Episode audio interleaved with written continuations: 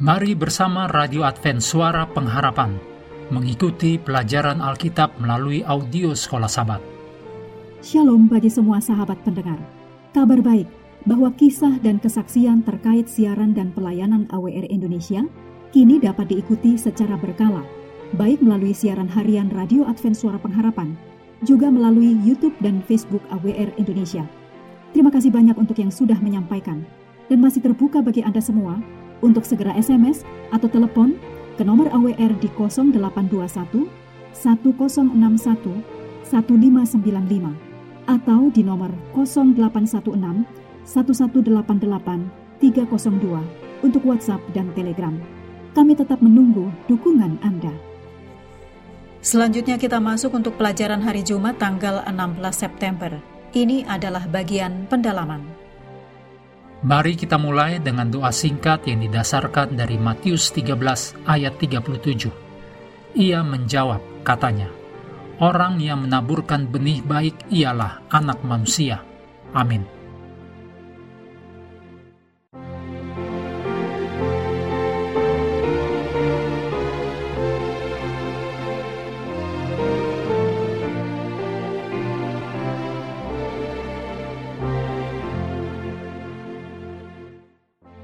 Anda perlu membaca tulisan Ellen G. White judulnya Ellie dan anak-anaknya di halaman 205 sampai 212, juga yang judulnya Kelancangan Saul di halaman 259 sampai 269, keduanya dalam buku Alfa dan Omega jilid kedua.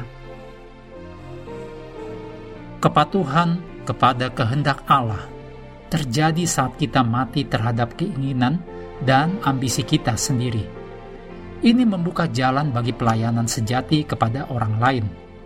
Kita tidak dapat hidup untuk Allah tanpa menjadi korban dan hidup dalam sifat terbuka yang terus-menerus terhadap suara Allah.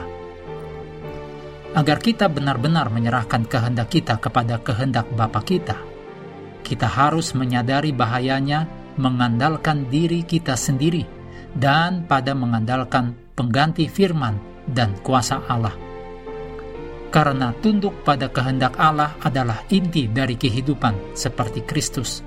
Allah dapat mengizinkan cawan lebur untuk mengajari kita ketergantungan kepadanya. Berikut ini adalah kutipan dari seri Membina jilid 2 halaman 292-293. Kelalaian Eli dihadapkan dengan jelas kepada setiap bapak dan ibu di negeri itu sebagai akibat dari kasih sayang yang tidak disucikan atau ketidaksediaan untuk melaksanakan satu tugas yang tidak menyenangkan itu, Eli telah menuai panen kejahatan di dalam diri anak-anaknya yang rusak itu. Baik orang tua yang membiarkan kejahatan itu dan anak-anak yang telah melakukan kejahatan itu bersalah di hadapan Allah dan Allah tidak akan menerima persembahan atau korban untuk pelanggaran mereka. Berikut pertanyaan-pertanyaan untuk diskusi. Yang pertama, diskusikan tentang kerendahan hati yang luar biasa dari anak Allah yang datang ke dunia sebagai manusia untuk mati bagi dosa-dosa kita. Apakah artinya bagi kita masing-masing tentang pengorbanan diri dan penyangkalan diri demi kebaikan orang lain.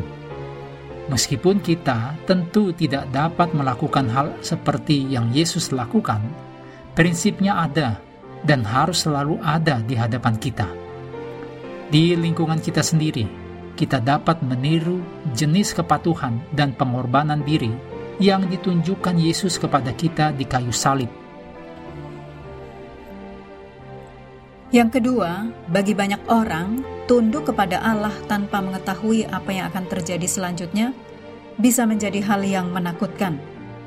Anda perlu menasihati orang-orang yang mengandalkan diri mereka sendiri daripada mengandalkan Allah untuk membantu menghilangkan ketakutan mereka karena tidak mengetahui atau tidak mampu mengendalikan masa depan.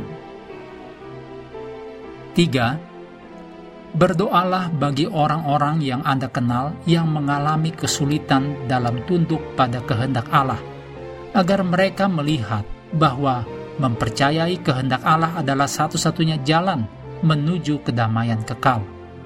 Pada saat yang sama, praktek apa yang dapat Anda buat untuk orang-orang ini agar membantu mereka melihat bahwa mereka dapat berserah kepada Allah dan bahwa jalan Allah adalah yang terbaik.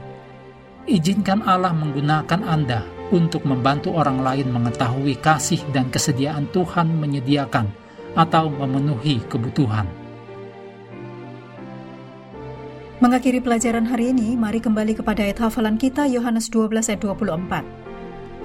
Aku berkata kepadamu, sesungguhnya jikalau biji gandum tidak jatuh ke dalam tanah dan mati, ia tetap satu biji saja.